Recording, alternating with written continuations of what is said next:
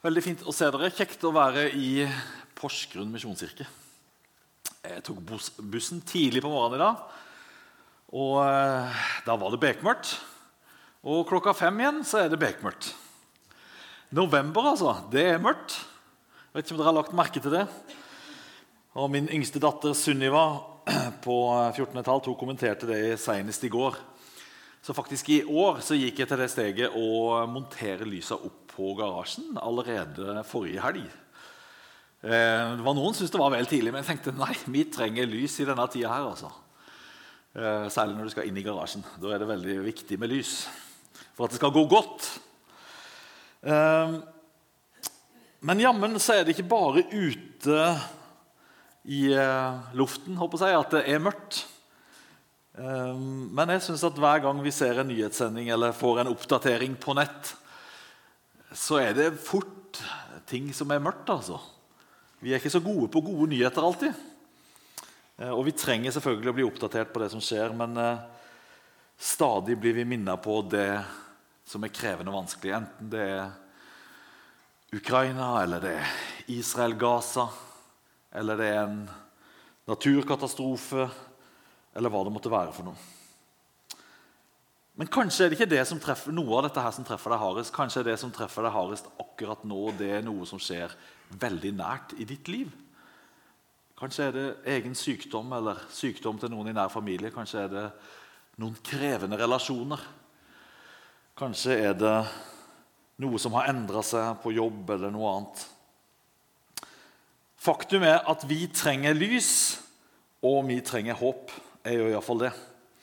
Og Da er det utrolig godt at vi kan samles her, og at vi kan minne hverandre på at Jesus han er både verdens lys og han er verdens håp.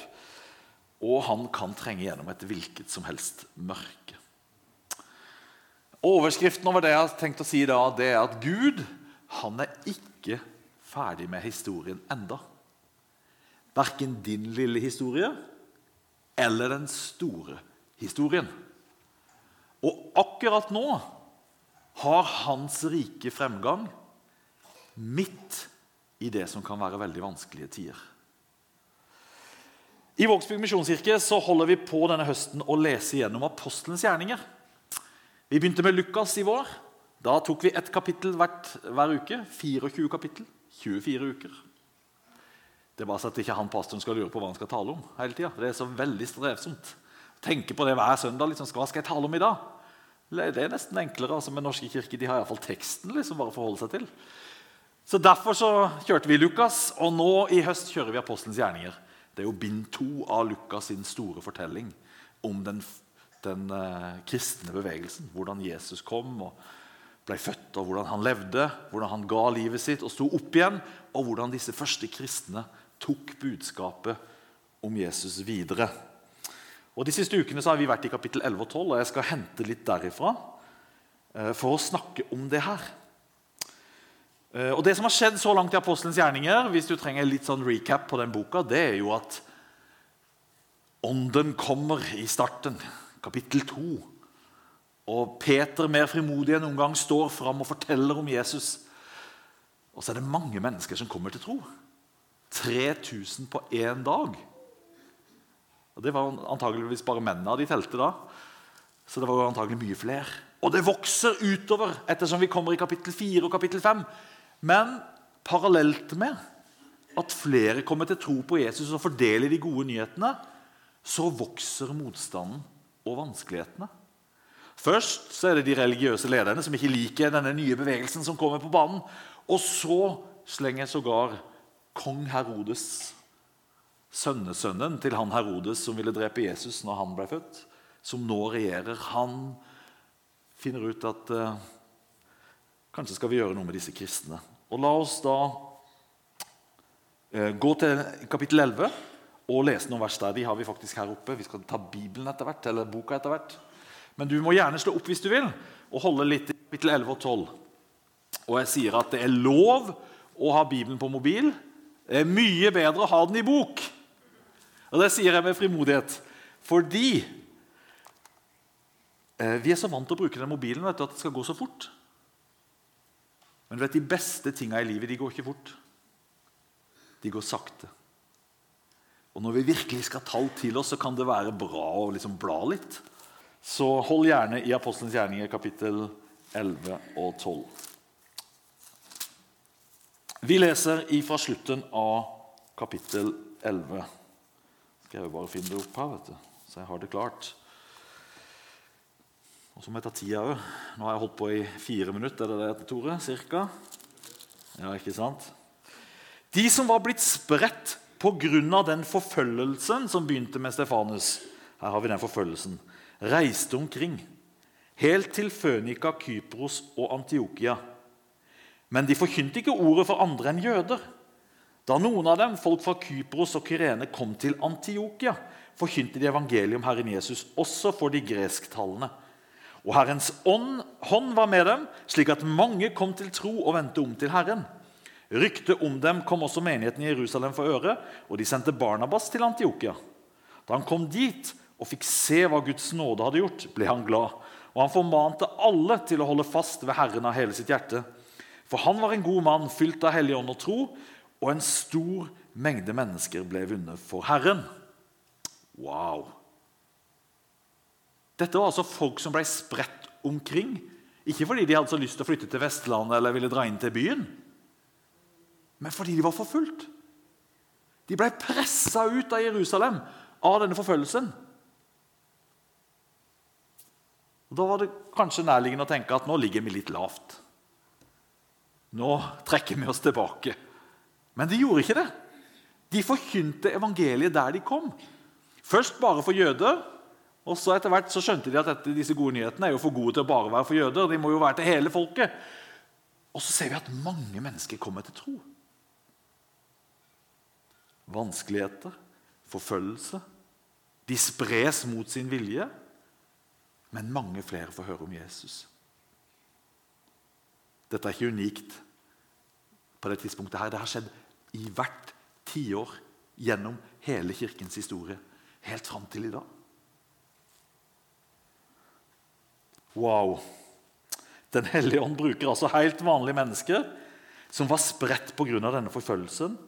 Og Det virker nesten som ikke lederskapet i Jerusalem helt klarer å henge med. liksom. Oi, nå hører vi det skjer noe der, og nå skjer det noe der. Vi får sende noen folk opp og se om dette er ordentlige greier. Så de sender Barnabas. Han var jo fra Kypros, så han kjente godt både språket og kulturen i Antiokia. Men vent nå litt. Er det ikke et eller annet som ikke stemmer her? Hvis du har lest litt i Apostelens gjerninger før, så var det vel en annen fyr som egentlig fikk dette kallet om å gå til alle folkeslag, var det ikke det? Husker dere noe fra kapittel 8 i Apostelens gjerninger? En som først var enig i drapet på Stefanus i kapittel 7. Og så kjører han på for å få kasta disse kristne i fengsel. Og han reiser til og med til Damaskus, hvor han tenker at nå skal jeg få renska ut de som er der, og som følger denne veien. Og så blir han sjøl møtt av Jesus. Og så blir han blind. Og Så leies han inn i Damaskus, og så møter han en kristen disippel der som heter Ananias, som får et oppdrag med å gå til han og si bl.a. det her. Men Herren sa til ham, 'Gå, for jeg har utvalgt ham som mitt redskap til å bære mitt navn framfor hedningefolk og konger og for Israels folk.' Så det var egentlig Paulus som hadde fått dette oppdraget. Men nå er det Barnabas de sender til vekkelsen. Hvor er Paulus? Han som hadde vært så ivrig etter at han ble kristen. Han som kjørte på og forkynte evangeliet i Damaskus og kom tilbake til Jerusalem, hvor Barnabas måtte liksom hjelpe han litt på plass. for Han var en sånn, eh, det er klart han hadde vært terrorist nærmest i det miljøet der. Folk var livredde for han. Ikke rart at ikke de hadde lyst til å ha han inn i menigheten. Men hvor var han nå? Vi får svaret i kapittel 9. For der står det da brødrene fikk vite det, brakte de ham til Cesarea og sendte ham videre til Tarsos. Paulus var altså sendt tilbake til sin fødeby Tarsos av ledelsen i Jerusalem. Dels fordi de var redde for livet hans, tror jeg, fordi han, de sto han jo etter livet, disse som han før hadde vært en del av. De religiøse lederne. ikke sant? Dels kanskje fordi de syntes han var vel offensiv og litt lite vis. Det står iallfall at de fikk fred etterpå. Det ble litt lettere å være kristen i Jerusalem etter at Paulus hadde, hadde dratt. Kanskje han var litt overivrig. Men hva skjedde egentlig i disse åra her, hvor Paulus ikke var på scenen? Det vet vi faktisk ikke så veldig mye helt sikkert om, for Lukas skriver ikke om det. Paulus han skriver ikke direkte om det i sine brever heller. Han antyder kanskje ting. Men de fleste bibelforskere vil si at det gikk mellom seks og ni år fra Paulus var sånn en ivrig kristen og forkynner, til det vi straks skal lese om, nemlig at han ble henta av Barnabas til Antiokia.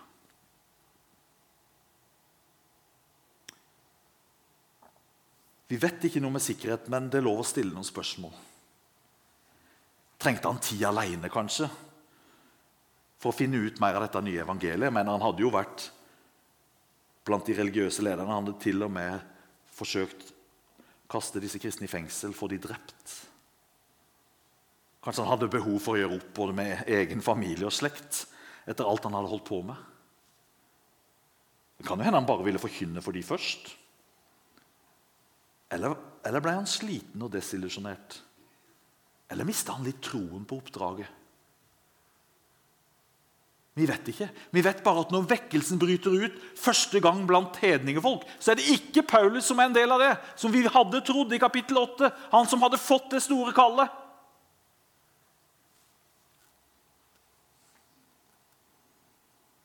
Det vi vet med sikkerhet, det er at Gud hadde ikke mista troen på Paulus. Selv om han hadde vært off the scene kanskje i seks eller ni år. For det står i kapittel 11 at han dro så til Tarsos for å oppsøke Saulus, altså Barnabas, som han fant og tok med seg til Antiokia. Et helt år var de sammen i menigheten der og ga mange mennesker opplæring i troen.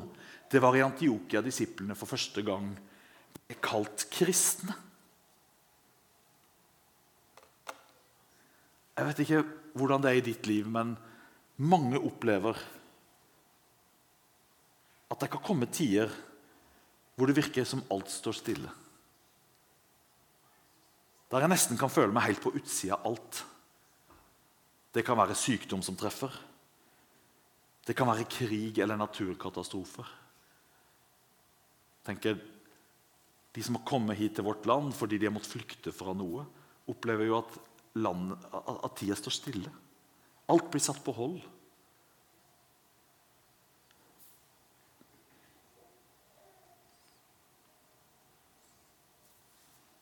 Hvor er Gud i alt det der? Hva skjedde med det der han sa til meg tidligere? Og nå har det ikke skjedd noen ting på mange år. Jeg tror den første kristne fortellingen her forteller oss noe som er sant til alle tider.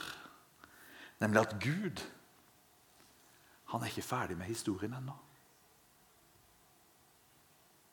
Og han angrer ikke sine nådegaver og sitt kall. Bare tenk på hva som skjedde i Paulus sitt liv de neste 15-20 åra. Hvor mange menigheter han var med og fikk plante hvor mange nye mennesker som kom til tro. Og ikke minst, han skrev 13 brev ifra fengsel, mange av de, som vi har den dag i dag. Så selv om det var seks eller ni år, han var helt på sida, vi hører ikke noen ting om han, så kom han tilbake. Jeg vet ikke hva det er du står midt oppi, eller kanskje noen du tenker på. Men jeg vet iallfall at Gud er ikke ferdig med den historien ennå. Hans kall står fast. Hans utvelgelse står fast.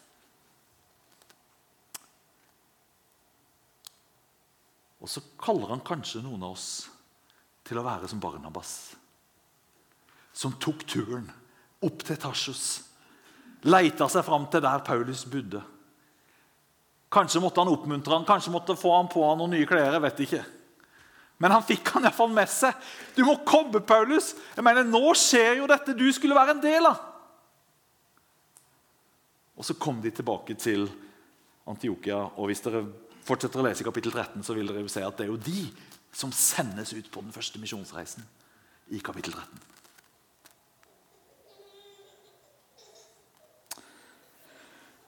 Jeg vet ikke om noen av dere var på Liv og Vekst i sommer og møtte Han er blitt en god venn av meg. Han kommer fra Han er 45 år gammel. Men hvis ikke du har hørt historien hans, så gjenforteller jeg noen korte bruddstykker fra den nå. Han kom fra en rik familie i Irak. Han eh, aspirerte til å bli imam fordi faren var imam i en av de mest ansette eh, moskeene Så begynte han å studere, og mens han studerte Koranen sammen med en annen studievenn av seg, så stilte han flere og flere spørsmål. Det ble etter hvert så mange spørsmål at han hadde vanskelig for å tro at dette var troverdig. Og Han endte så opp, sågar opp med å skrive en bok som på engelsk heter 500 Misconceptions in Islam. Altså 500 uoverensstemmelser i islam. Og Så ga han ut den boka. Det var kanskje ikke så lurt på sitt hjemsted. For da vendte hele familien seg mot han. Og Hadde ikke mora hans gått imellom helt fysisk, så hadde han antagelig vært drept der og da. Han måtte forlate et svært hus. Han hadde jobb som eh, bioingeniør. Han måtte flykte. Dette var i 2012. Han flykta gjennom Tyrkia, gjennom Europa. Men selv om han hadde på en måte gitt opp hele den Gud som på en måte den islamske tro snakka om, så hadde han på en måte ikke gitt opp Gud. Han, han var på søken etter Gud. Mange ting som kunne vært fortalt om det på hans reise gjennom Europa, men så kommer han til Norge. Og En av de han treffer i Norge, det er Jan Kjosavik. Han er da pastor i pinsemenigheten Philadelphia i Kristiansand og leder et arbeid som heter Shelter. Og De skal ha et alfakurs i Philadelphia. Og De har uh, hatt ute påmelding, men det er ingen som har meldt seg. Men så melder Jan eh, på. Og Jan sier 'Jeg skal kjøre alfakurs for én'. Der Jesus. Og han begynner ivrig å fortelle andre med muslimsk bakgrunn, som bor på masse forskjellige asylmottak. asylmottak. han begynner å reise. Nå har vært i mer enn 40 land. Og han har personlig leda mer enn 500 med muslimsk bakgrunn til tro på Jesus og døpt dem. I fjor på sommeren så reiste han til Libanon fordi eh, Vi hadde egentlig en tanke om at eh, vi skulle være med og støtte et arbeid i Marokko, men der stengte det seg helt. Så reiste han istedenfor, for der visste han det var mange flyktninger. Og der hadde han noen connections og litt sånne ting. Nå har han vært der i, ja, i, i etter et, et, kvart år. Jeg snakka med han for halvannen uke siden. Det er over nesten 90 med muslimsk bakgrunn av syriske flyktninger som har tatt imot Jesus der. På sist søndag så var de 350 stykker på gudstjenesten. Så sier jeg men eh, det er vel ganske urolig der nå? Ja, det er det, sier han. Det er flere på grensa som har trukket seg tilbake og har stengt butikkene sine. For de er redd for hva som kan skje hvis Hizbollah begynner å angripe Israel enda mer. Ja, hva med deg, da, sier jeg. Tenker du å komme hjem, eller? Jeg kan jo ikke komme hjem, sier han. Familien min er jo her. Han har ikke hørt fra sin biologiske familie siden 2012. Det er en stor smerte. Jeg vet at han ber for dem hver dag. Men han har fått en ny familie. Og Gud er ikke ferdig med denne historien ennå. La oss lese litt videre i kapittel 12. Oi, nå skal bare la det bildet henge der litt. Nå må du virkelig ta opp Bibelen din, enten på mobil eller i bok. For nå skal vi rett og slett lese litt av teksten i starten av kapittel 12. For dette er jo en, en forunderlig historie. fra vers 1. På den tiden la kong Herodes hånd på noen i menigheten og for hardt fram mot dem. Jakob, bror til Johannes, ble henrettet med sverd. Da Herodes merket at jødene likte dette, gikk han videre og fikk grepet Peter også. Det var i de usyrede brøds høytid. Etter at han var tatt, ble han kastet i fengsel, hvor fire vaktskift hver på fire mann ble satt til å holde vakt over ham. Så ville Herodes føre ham fram for folket etter påske. Peter ble da sittende i fengselet, og imens ba menigheten inderlig til Gud for ham. Natten før Herodes skulle føre ham fram, lå Peter og sov mellom to soldater. Han var bundet med to lenker, og, fengselet ble bevoktet av vaktposter som sto utenfor døren. Med ett sto en engel fra Herren der, og et lys strålte i rommet.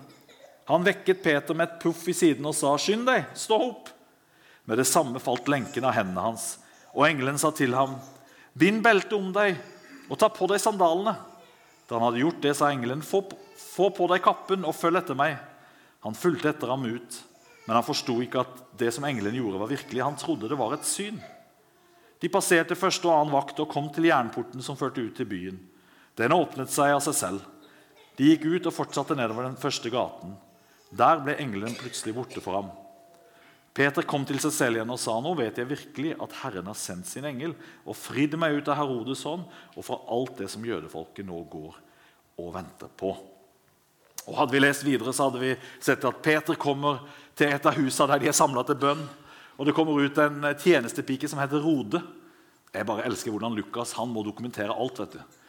For Han ville jo ikke at noen skulle tro at dette bare var en fake historie. Så han gir til og med navnet på tjenestejenta, slik at hvem som helst i Jerusalem kunne søke henne opp og få historien verifisert. Og så ser vi hvordan eh, de, de, de, skjønner jo ikke dette her. At Peter nå plutselig står her foran dem. En haug med mirakler. Altså Det første miraklet er jo at Peter kan sove mellom to soldater. Altså Jeg har godt sovehjerte, og det tror jeg Tore òg har. Men å sove mellom to soldater den dagen du vet at neste dag så er det sannsynlig at hodet ditt faller Men kanskje var det denne freden da, som Peter hadde fått erfare gjennom Jesus, og som han nå hadde levd med en stund. Som hadde gjort at han tross den krevende situasjonen, kunne vite at om jeg lever eller dør, så hører Herren til. De kan nok gjøre noe, men det er bare på kort sikt. Jeg vet ikke. Lukas refererer ikke noe til det. Og så får vi alle disse her spektakulære tinga. En engel som vekker han. Som eh, forteller han hva han skal gjøre, og leder han ut. Det er jo fantastisk. Det, dette er en historie på linje med oppstandelsen. Og Når vi leser den, så er det akkurat som om vi nesten hører oppstandelseshistorien på nytt. Og menigheten, selv om de var fryktelig redde, de hadde tydelig vært med å bidra. For det står at Peter ble da sittende i fengselet, og imens ba menigheten inderlig til Gud for ham. Men vent nå litt. Hva med Jakob? Hadde de glemt han? Var han ikke så godt likt i menigheten i Jerusalem at de lot være å be for han?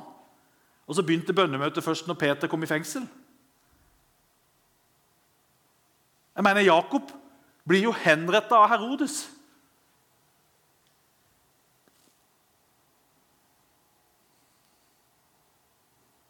Hvorfor ble ikke Jakob redda? men bare Peter. Det som er veldig annerledes med, med den nytestamentlige forfatteren Lukas og faktisk de nytestamentlige leserne, det er at de problematiserer ikke det. Lukas faller ikke for fristelsen til å sette inn et teologisk innlegg. En slags parentes. By the way, dette betyr at slik skal dette forstås. Nei, han bare beskriver virkeligheten. Jakob ble henrettet av Herodes. Så kom Peter i fengsel. Menigheten ba inderlig han. Selvfølgelig hadde de bedt inderlig for Jakob. Jakob var jo like viktig i menigheten som Peter. Det var mange som var glad i Jakob òg. Klart de hadde bedt like inderlig for Jakob.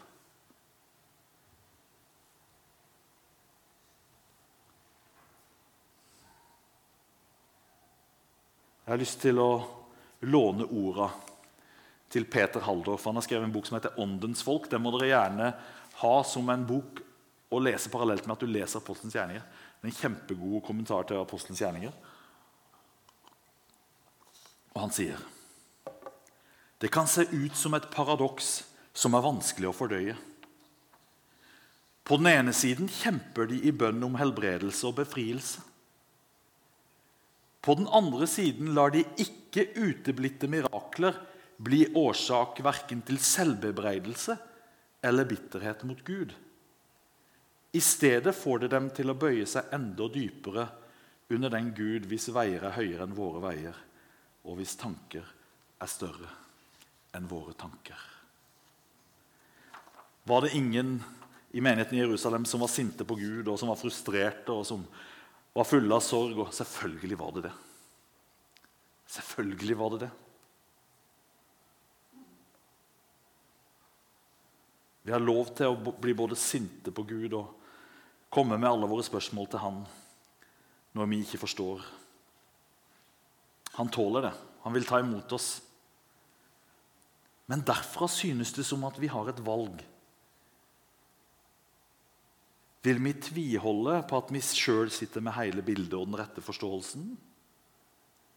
Eller vil jeg på nytt overgi meg til Gud i tillit til hans godhet, og at hans historie ikke er ferdig ennå?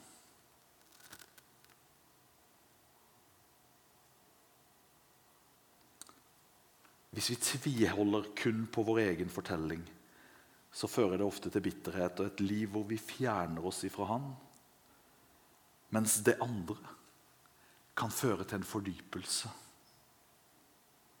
i vår erfaring av Guds nåde og kjærlighet. Tro er ikke å skjønne alt eller at alt går opp. Men tro er å omfavne paradoksene. Og bøye seg for Han som først har bøyd seg for oss. Med alle de paradoksene. Og se at hans historie er større, og den er ikke ferdig ennå. Verken i dette livet eller inn i evigheten. Jeg tror på en Gud som gråter med den som gråter. Jeg tror på en Gud som smertes av våre smerter. Jeg tror på en Gud som kan helbrede og utfri. Og vi skal be som bare det. Men samtidig holde sammen. At i denne tida vi lever i, helt fram til han kommer tilbake og oppretter det fullkomne riket, så vil vi erfare at mennesker dør. At vi møter krevende livssituasjoner. Det gjorde den første menighet. Det har de gjort i enhver tiår siden. Men de har allikevel kunnet leve overgitt til Jesus Kristus.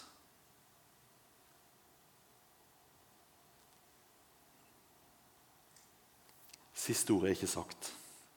For Hvis du kommer til slutten av kapittelet Vi skal ikke lese alle de versene, men skal bare lese noen vers. For på den fastsatte dagen tok Herodes på sitt kongelige skrud, satte seg på kongetribunen og talte til dem. Folket ropte da til, til ham, 'Her taler en Gud, ikke et menneske.' Øyeblikkelig slo en Herrens engel ham fordi han ikke hadde gitt Gud æren. Han ble spist opp av mark og døde. Det er litt av noe spenn i denne historien her. altså. Den jødiske historikeren Josefus han bekrefter faktisk Lukas' fremstilling her. Man kan lese om at under de årlige lekene som ble holdt i det store amfiteatret i Cesarea, så får Herodes plutselig akutte magesmerter etter at folket har uttalt at han er en gud. Og Det skjedde sågar på han, keiserens fødselsdag i år 44. Og fem dager seinere døde han. Verdens herskere, enten de heter Herodes, Putin, leder av Hamas, Netanyahu eller president Biden har bare begrensa makt i en begrensa periode. Og de kan bruke den makten til å gjøre godt, eller de kan bruke den makten til å gjøre ondt. Men de har aldri siste ordet. Kongenes konge heter verken Putin eller noe annet. Han heter Jesus Kristus. Det er han som er historiens herre. Det er han som bygger sitt rike. Det er han som kjenner hele historien. Nå skal jeg straks gå inn for landing. Men her i For eh, et par måneder siden så var jeg i Spania på en samling med personer fra ulike misjonskirker i hele Europa.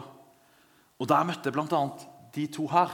Til venstre, Han til høyre der, han leder dette som heter IFEC, International Federation of Free Evangelical Churches in Europe.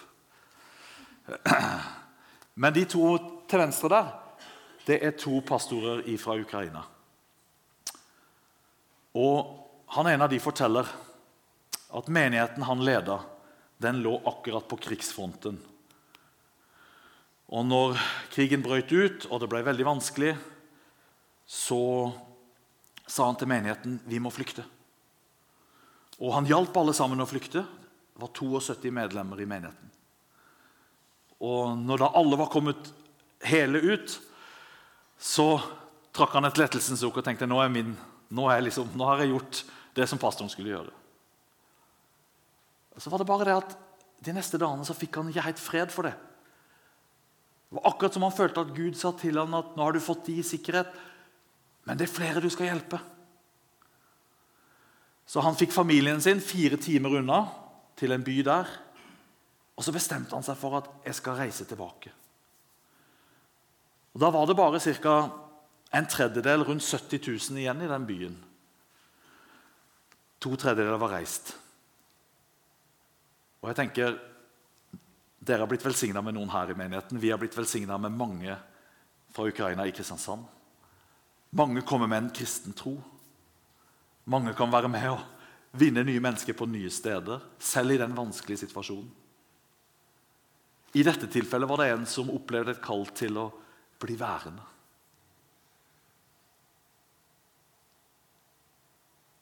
Det var ikke lett, sa han. Det var vanskelig. Det hendte når han sykla til jobben sin. Liksom. Han var hos familien tre dager i uka, så sykla han liksom til dette stedet da, fire dager i uka. Så hendte det at han bokstavelig talt hadde kulen omtrent rundt seg. Når vi treffer han i september, så forteller han at jeg skjønte ikke helt hvorfor jeg skulle være der. Men nå, sa han, så har vi gudstjeneste hver søndag. Fire ganger. Og det er ni, over 900 personer som kommer på gudstjeneste. I august var det over 50 stykker som tok imot Jesus og ble døpt. Nå skjønner jeg hvorfor Jesus ville jeg skulle være der. De som var igjen, var jo stort sett da mennesker som ikke hadde mulighet til å klare å flykte. Vi ønsker ikke krig. Vi ber om at det må stoppe. Og vi må fortsette å be om at det skal stoppe. Men selv når det er krig, så er det ingen som kan stoppe Guds rike. Hans rike går utenpå en hvilken som helst situasjon. Hans kongedømme er høyere og videre og dypere enn noe annen verdens hersker. Det er det levende håpet. Det er den troen som kan stå uansett hvor vi befinner oss.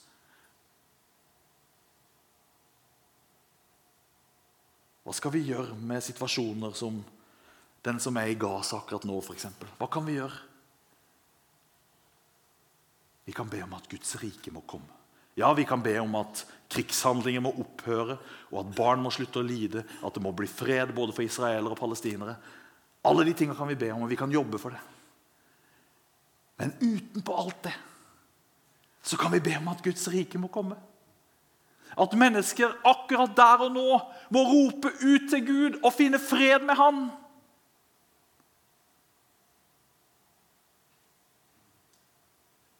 Det var dette som frustrerte Herodes og alle de andre som prøvde å ta knekken på denne bevegelsen. For Hvis vi tar livet av dem, så hjelper det jo ingenting. De fortsetter allikevel. De skjønte etter hvert at det finnes en annen konge.